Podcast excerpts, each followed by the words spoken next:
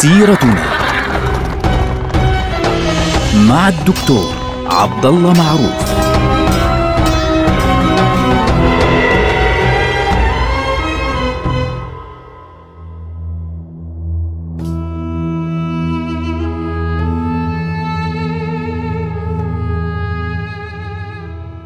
السلام عليكم ورحمة الله وبركاته. سيرتنا سيرة هذه الأمة العظيمة، ونحن الآن في عهد السلطان سليمان القانوني. السلطان سليمان القانوني كان منشغلا في بداية حياته في أوروبا. طبعا بعد أن انتهى من تمرد جانبرد الغزالي في بلاد الشام، آه، التفت بشكل كامل إلى أوروبا فتح بلغراد فتح جزيرة رودوس قاد معركة موهاكس وحاصر فيينا مرتين في النهاية في النهاية كان قد برز له خطر جديد في المشرق وهذا الخطر الجديد هو إن صح التعبير خطر جديد قديم يعني قديم متجدد يمكن أن نقول ذلك. هذا الخطر هو خطر الصفويين. طبعا في نهاية الحصار الثاني لفيينا قام السلطان سليمان القانوني فعليا بعقد اتفاق سلام مؤقت يعني هدنة مع آل هابسبورغ حكام آه، النمسا في ذلك الوقت انتهى من الحرب في أوروبا أو إن صح التعبير يمكن أن نقول أجل الحروب في أوروبا لينشغل مرة أخرى بالصفويين. لماذا؟ لأنه قد برز شخص جديد في تلك المرحلة على المستوى آه، السياسي في آه، بلاد إيران اللي هي في ذلك الوقت الدولة الصفوية بعد وفاة الشاه إسماعيل اللي كان بين والد سليمان وبينه حروب شديدة جدا. طبعا والد سليمان أقصد السلطان سليم أو ياوس سليم سليم الأول. فلذلك السلطان سليمان القانوني التفت إلى خطورة ما يحدث فعليا في بلاد آه، إيران والتفت إلى ضرورة أن يقضي مرة أخرى على نفوذ الصفويين. طبعا الصفويين في ذلك الوقت كان يقودهم شخص جديد يعني شاه جديد بعد وفاة الشاه آه إسماعيل وهذا الشاه اسمه طهمصب الأول. طبعا طهمصب اسم صعب شوي لكنه هو يعني اسمه طهمصب اسم صعب قليلا لكنه باللغة الفارسية فعليا. يعني يسمونه بالفارسية الشاه طهمصب يكرم يعني الشاه أو السلطان أو الملك طهمصب الأول. طهمصب هذا يعني كان قد آه، استلم الحكم من والده الشاه إسماعيل بعد وفاته مباشرة. كان قد آه، توفي والده وعمره لا يزيد عن عشر سنين. يعني في عام 1524 بعد أن توفي والده استلم الحكم مبدئيا. لكن طبعا لأنه عمره عشر سنوات فكان في ذلك الوقت تحت سلطة ما يسمى في ذلك الوقت بالقزل باش.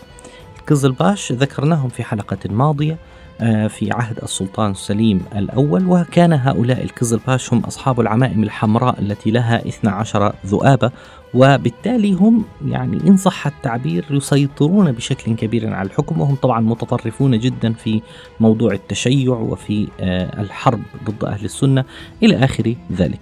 طبعا هذه النقطة أثرت يعني منذ صغره على طبيعة شخصيته وأثرت على طبيعة نظرة طهمصب الأول إلى الشعوب الموجودة والمنضوية تحت لواء هذه الدولة إضافة إلى أنه التفت منذ كان صغيرا إلى بغض الدولة العثمانية والهجوم على العراق. كان بالنسبة له فكرة الهجوم على العراق هذه حلم كان يراوده منذ كان صغيرا.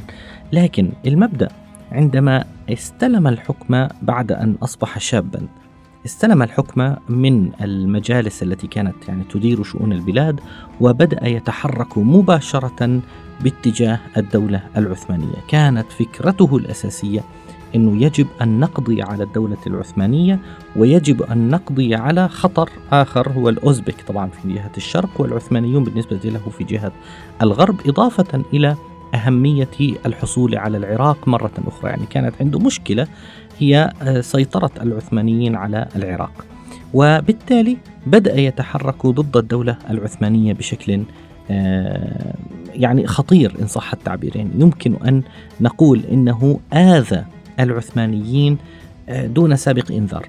كان يعتقد أنه انشغال السلطان سليمان القانوني بالحرب ضد النمساويين وضد المجريين في أوروبا ستجعل له مساحة واسعة للتحرك فعليا بين هذه المنطقتين بين منطقة الأوزبك ومنطقة العراق فعليا في داخل البلاد التي يسيطر عليها على حدودها فعليا الدولة الصفوية طبعا الشاه طهماسب الأول أول آه، ما بدأ يتحرش بالدولة العثمانية بدأ من الداخل كيف؟ طبعا في الأناضول كان يوجد الكزلباش اللي هم آه، هؤلاء أصحاب العمائم الحمراء الذين هم أصلا شيعة ومتعصبون. فبدأ يثيرهم ضد السلطان سليمان القانوني ويحاول أن يجعل السلطان سليمان القانوني يواجه خطرا داخليا في هذه المنطقة. لاحظ هو يحاول أن يذكي هذه النزعة الطائفية عند هؤلاء الناس وبالتالي يشكل خطرا داخليا على الدولة العثمانية. طبعا هذا الأمر سيجعل السلطان سليمان ينتبه إلى أهمية أن يقود حملة ضد هذه الدولة. المبدأ أنه أهم نقطة أثارت السلطان سليمان القانوني ضد هذا الرجل اللي هو طهماسب الأول أنه طهماسب الأول في سنة 1530 للميلاد الموافق 936 للهجرة تحرك باتجاه بغداد.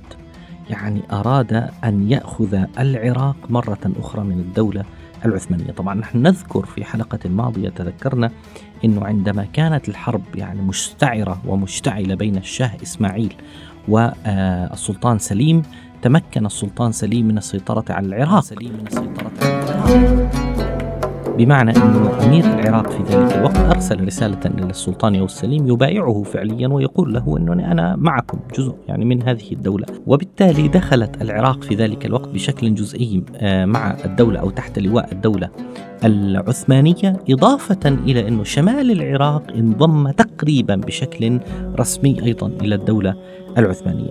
طبعا العثمانيون عندما وصلتهم الأخبار أن الشاه طهماسب الأول اقتحم العراق ودخل هذه المدينة. المهمة يعني ثارت حفيظتهم. وبذلك بدأ السلطان سليمان القانوني يخطط للتحرك ضد الدولة الصفوية. طبعا الدولة الصفوية في طريقها إلى بغداد على فكرة يعني أخذوا عدة مناطق يعني أهم نقطة ذهبت إلى أيديهم كانت آه، جنوب بحيرة فان كانت مدينة خلاط كانوا قد أخذوا هذه المنطقة آه، قرب أرمينيا واستولوا عليها وأصبحت جزءا من دولتهم وأعلنوا أنها جزء من البلاد التي سيطروا عليها وبالتالي ماذا فعل السلطان سليمان؟ مباشرة تحرك السلطان سليمان وأرسل جيشا كبيرا في آه، شهر صفر من عام 940 للهجرة الموافق لشهر 9 أيلول في عام 1533 للميلاد فيه 140 ألف مقاتل.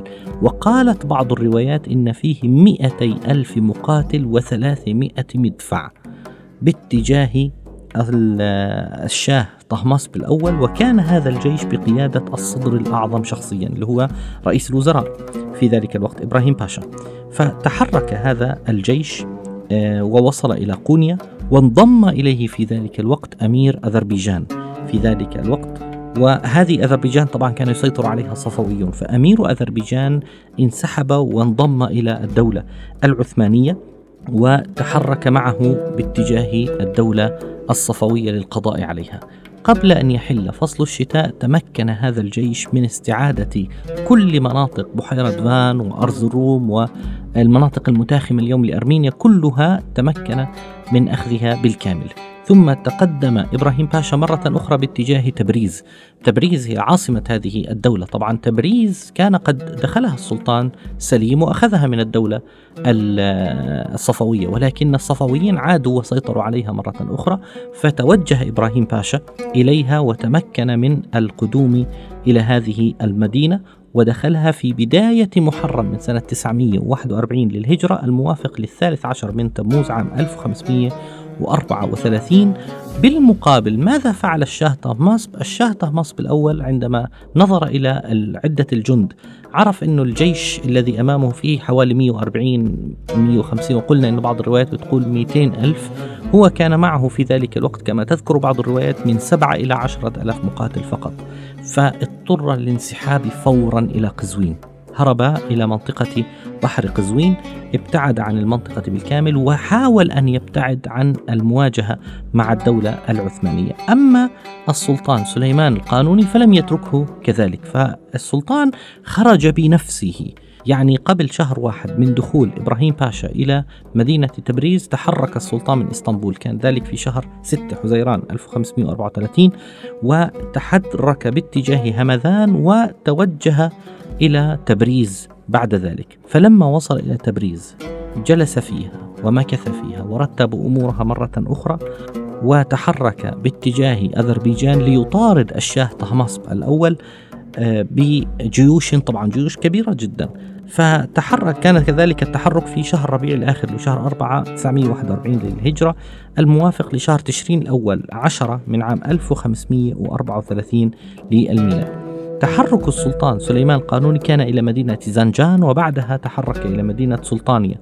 وأما الشاه فكلما تقدم السلطان باتجاهه كان يفر آه، يعني أكثر كان يفر أكثر. وكان الشاه قد اتخذ سياسة غريبة في حربه ضد السلطان سليمان القانوني. طبعا هو لم يواجهه في أي معركة لاحظوا. كل ما يجي السلطان سليمان بيهرب كل ما يجي السلطان سليمان إلى أي مكان بيفر. لكن كان يحاربه بطريقة غريبة كان يحاربه بسياسة الأرض المحروقة. يعني قبل أن يغادر أي منطقة يحرقها يدمرها. لا يبقي فيها شيئا. لا يبقي فيها لا طعام ولا شراب ولا ولا شيء. لماذا؟ لكي يجوع العثمانيون ولكي لا يستفيد العثمانيون من هذه المناطق. طبعا هذه الطريقة ليست طريقة شجاعة في المواجهة. يعني شيء غريب. كل ما يسمع بالسلطان بيجي بيفر ويحرق الأراضي ثم يفر من هذه المناطق باتجاه الداخل أكثر وأكثر. يعني ما بدي أسميها تسمية أخرى من حيث الجبن فعليا وطريقة يعني غير لائقة في القتال لا تليق بالشجعان لا تليق بالفرسان. ولكن المبدأ إنه هذه كانت خطته الأساسية. بعض المؤرخين على فكرة بيمدحوه بهذه الخطط. يعني يقولون إن سياسة الأرض المحروقة هي التي دفعت السلطان سليمان القانوني بعد ذلك للتراجع.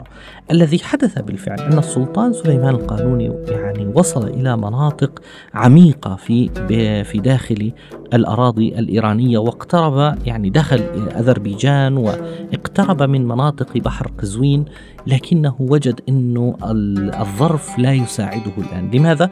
حل الشتاء وصار الجو باردا جدا والطرق صعبة وكل الحركة صعبة جدا فبالتالي أجبر السلطان فعليا على أن يتخلى عن فكرة مطاردة هذا الشاه وانسحب مرة أخرى لكن هذه المرة كان اتجاهه إلى بغداد لماذا؟ كان قد أخاف الشاه طهماسب الأول وأبعده إلى ناحية الشمال الشرقي أكثر فأكثر وأراد أن يقضي على آماله تماما في المناطق الجنوبية فانسحب وتركه يفر ثم قال الآن دورنا أن ندخل إلى بغداد ونذهب وندخل العراق مرة أخيرة في عهد الدولة العثمانية. نلقاكم على خير والسلام عليكم.